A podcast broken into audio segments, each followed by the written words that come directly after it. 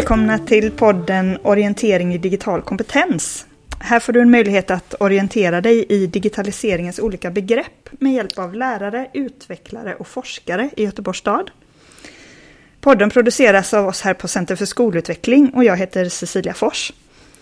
Idag ska vi gå in på ämnet digitalt berättande och därför har vi en gäst som heter Andreas Karlsson som är lärare i svenska, svenska som andraspråk och musik på Påvelundsskolan årskurs 7 9. Blev det rätt? Det stämmer. Ja, vad bra. och du har låtit dina elever göra poddar. Eh, så det blir lite meta det här. Ja, just det. Metapodd. ja, en podd om poddar. Just det. Eh, det, vad var det de här poddarna handlade om? Vi har gjort poddar i lite omgångar. Ja. Så första poddomgången som vi gjorde för några år sedan så fick de göra podcasts eller reportagepoddar eller sådär mm. om sina praoplatser. Mm. För att liksom bearbeta de intrycken. Men, men kanske också tipsa andra elever om lämpliga mm. platser att göra sin prao. Ja, just det. Så det var första varianten. Ja. Och för ett år sedan ungefär så hade vi kanske egentligen tänkt att göra samma sak. Mm. Men då blev det ju ingen prao på grund av pandemiläget. Just det. Och då upplevde vi ett behov av att få bearbeta alla de intrycken på olika sätt och undersöka hur det har påverkat samhället. Mm. Så det blev Coronapoddar. Ja. Eh, också i reportageform kan man väl säga. Ja, att de var ute och intervjuade folk och sådär. Ja, precis. Precis så. Mm. Men varför ville du göra just podd? Varför valde du det som format? Jag tror att idén kom ifrån när vi gjorde poddar om eh, praoplatserna så samkörde jag med en SO-lärarkollega. Mm. För vi kom in med lite olika vinklar liksom vi ville att de skulle dra i. Mm. Och, och, jag tror att det egentligen kanske var våran fascination för podcasts och radioformatet liksom. Mm. Plus att vi var rätt trötta på att läsa text. ja, som och, svenska och SO-lärare. Ja, det, det, blir ju oerhört mycket text. Ja. Och sen var vi lite nyfikna på vad som skulle hända om de istället fick jobba med ja, men en talad text snarare än skriven. Ja. Och lite variation för dem också tror jag att vi var ute efter. Ja. Hur har det tagits emot av eleverna då? De har tyckt det varit väldigt kul. Väldigt skönt att inte alltid behöva skriva. Mm. Jag tror att de har trott att det skulle bli lättare när man slipper skriva. Mm. Det har det ju inte blivit. Nej, vad är det som inte har blivit lättare? Eh, det kräver ju ett, ett helt annat sätt att tänka. Det kräver jättemycket förberedelse. Mm. Det kräver kanske mycket mera mod. Mm. De har ju behövt kliva ut på stan och kontakta folk eller ringa upp släktingar eller söka sig runt efter vettiga personer att intervjua. Mm. Svårt att sålla i materialet var det ju. Det var ju inte alldeles självklart. Mm. Och sitta och lyssna och försöka anteckna eh, vilken tid ett speciellt citat kom och de drullade bort sig ibland i sina långa, långa intervjuer. Mm. Också kanske svårt för en del ibland att ställa Det pratade vi jättemycket om. Men att ställa bra frågor som man sen kan använda. Det var inte jätteenkelt. Mm. Eh, och klippa ihop det.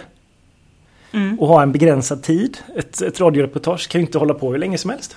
Nej. Speciellt inte om man tänker sig att det kanske skulle ingå i ett nyhetsprogram. Mm. Eh, och det var jättesvårt att sålla i det. Mm. Utan att eh, innehållet blir otydligt liksom. Mm. Så det var hemskt utmanande för dem och ruskigt nyttigt. Ja, hur, eh, vad ser du att de, liksom, att de lärde sig och fick med sig? Om man tänker på kopplat till läroplanen och så. Mm. Liksom, funkade det bra? Fick de med sig mycket av det de skulle ha fått med sig? Ja. Eh, vi pratade ju mycket liksom om vad som bygger ett, men ett reportage kanske i, i, den här, i det här fallet då. Mm. Eh, och då fick vi liksom först börja fundera över eh, hur ställer man frågor till folk? Om du går ut och bara ställer öppna frågor, vad kommer du få för typ av svar och hur ska du tackla dem? Mm. Ställer du bara slutna frågor, vad får du att jobba med då? Eh, kan man mixa kanske? Mm. Ehm, hur kan man bygga upp ett reportage?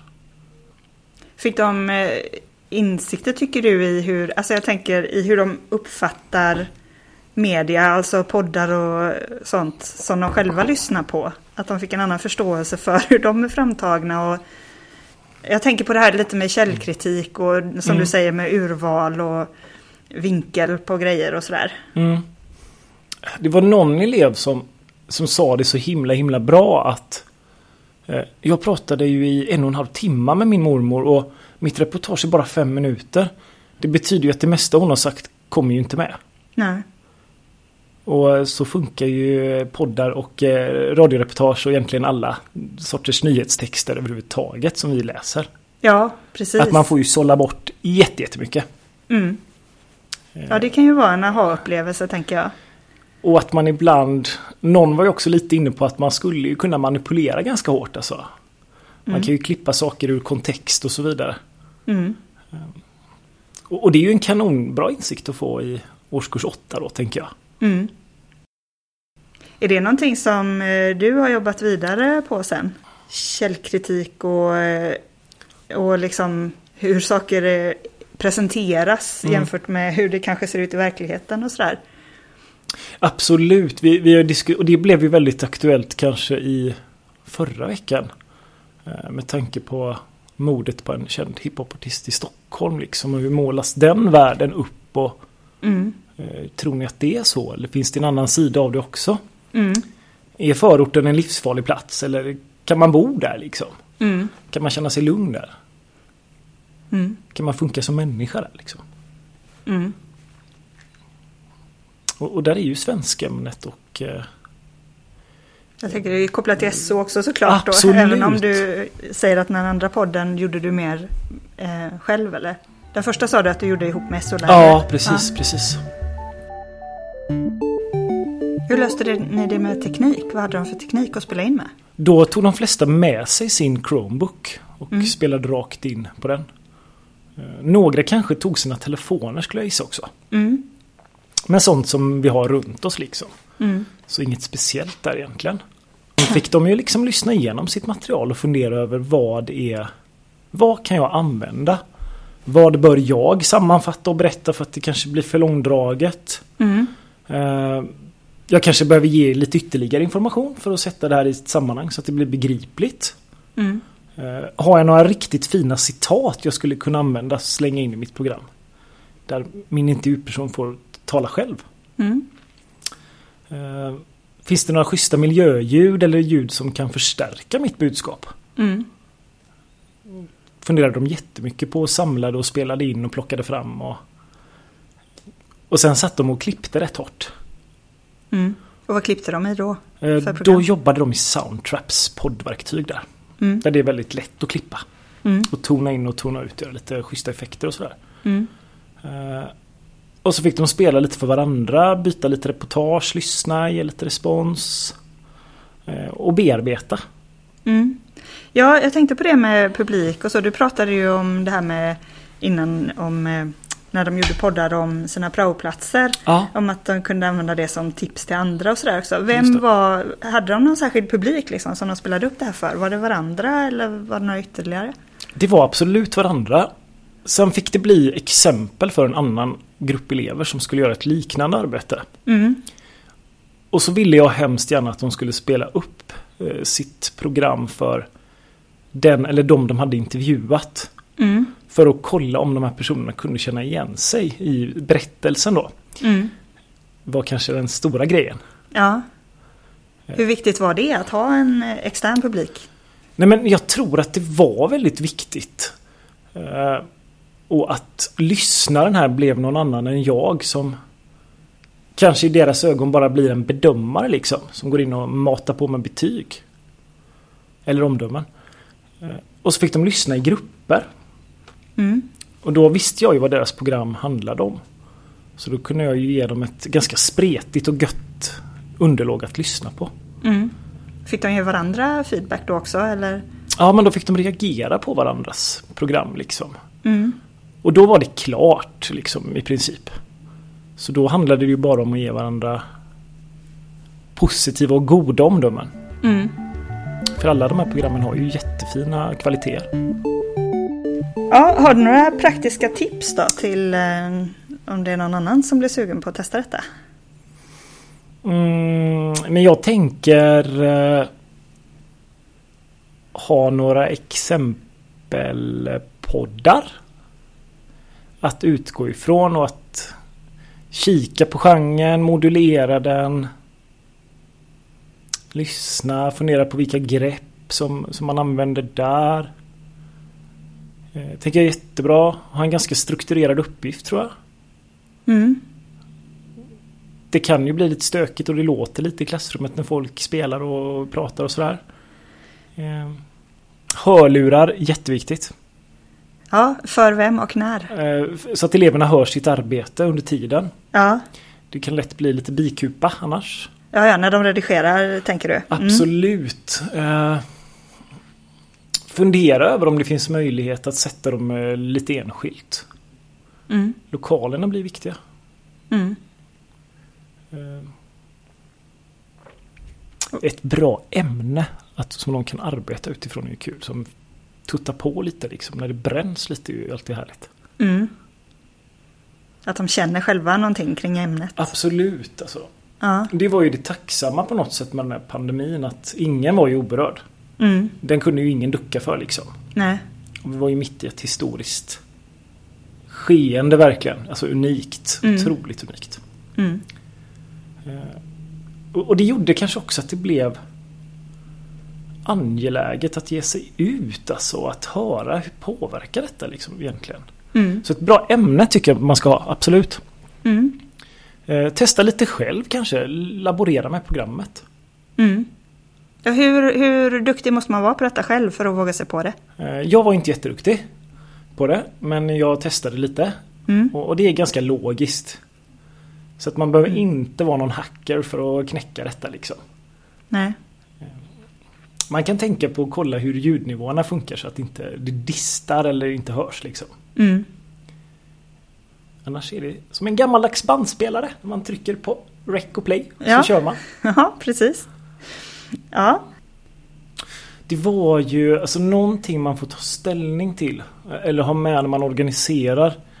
Det är ju om eleverna har, när de gjorde sina prator liksom, sina referat eller sådär. Mm. Så kräver det ju ett visst mått av tystnad för att det ska bli bra kvalitet och att Mm. man ska höra.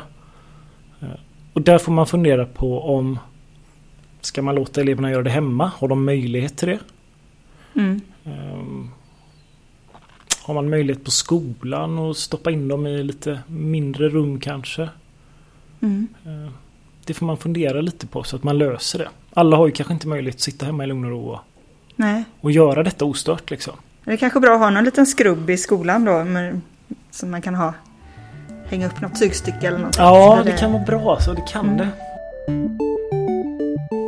Hur har du gjort med bedömning av detta? Det, har du tänkt på samma sätt som när du bedömer skriven text? Ja, nog, alltså på det stora hela så tänker jag nog på samma sätt som en skriven text. Eh, jag Till viss tycker- del kanske man skriver också. Alltså man får skriva ner det man ska tala in som mellanpratare och sådär. tänker jag. Ja, precis. Eh, Men jag tycker det är ganska skönt liksom att bygga någon form av matris med de aspekterna jag tänker be- bedöma. Eh, För att hålla mig ganska strikt. Eh, Ibland blev det ju väldigt gripande historier liksom. Och det är ju lätt att åka med i det. Eh, Mm. Och så tappar man det man egentligen ska titta på då, kanske rent pedagogiskt eller sådär. Men jag tittade ju väldigt mycket på hur väl den här texten eller det här avsnittet fungerade som sin genre liksom. Att Mm. man har träffat genredrag. Och så tittade jag mycket på eh, det där multimodala, hur, hur det liksom förstärkte och levandegjorde eh, programmet då, eller texten. Hur de använder citat och, så, och ljud och så vidare då. Ja, precis. Till en fungerande helhet då. Så egentligen var det nog inte så jättemycket svårare. Nej. Faktiskt. Eh, Det var ju ganska behagligt att få texten uppläst för sig någonstans. Eller det man skulle bedöma. Ja. Eh, Jag har förstått det som att du också jobbar mycket med språkutvecklande arbetssätt. Är du med i, vad heter det, nätverk? Språk, läs och skrivutvecklare. Har jag precis lärt mig. Språk, läs och skrivutvecklare. Ja, Ja. precis. Eh, och matchar det ihop med det här att eleverna gör poddar? Det, det tycker jag absolut att det gör. Uh, framförallt så tänker jag att eh, man har ju ett ganska tydligt uh, mottagarfokus när man eh, gör sitt program. Eller jobbar med den här texten som det ändå kanske är då. Mm. Eh, och att man också får fundera så himla noga på vad är det för lyssnare jag skulle vilja ha? Eller vad är det för målgrupp jag riktar mig emot? Hur ska jag anpassa form och språk och struktur utifrån den här tänkta lyssnaren? Va? Mm. Och samtidigt så fick vi också in eh, jättemycket begrepp som handlar om texten som sådan. Alltså någon slags journalistspråk eller Mm. eh, sp- språk om, om reportage och den sortens text. Eh, Men, men samtidigt så fick vi också in, vi var ju tvungna att begripa oss på den här läskiga sjukdomen för att kunna göra det här. Mm. Eh, Och hänga med i lite samhällsdebatt och sådär. Ja, ja, så det förde med sig lite sånt att Ja, man blev måste ju- analysera den informationen som finns runt Ja omkring en. precis alltså. Eh, Ja. För är man reporter eller journalist så får man ju vara hyggligt påläst alltså för att kunna ställa smarta eh, frågor. Mm. eh, Och kunna hjälpa lyssnaren eller läsaren att begripa sammanhanget. Mm.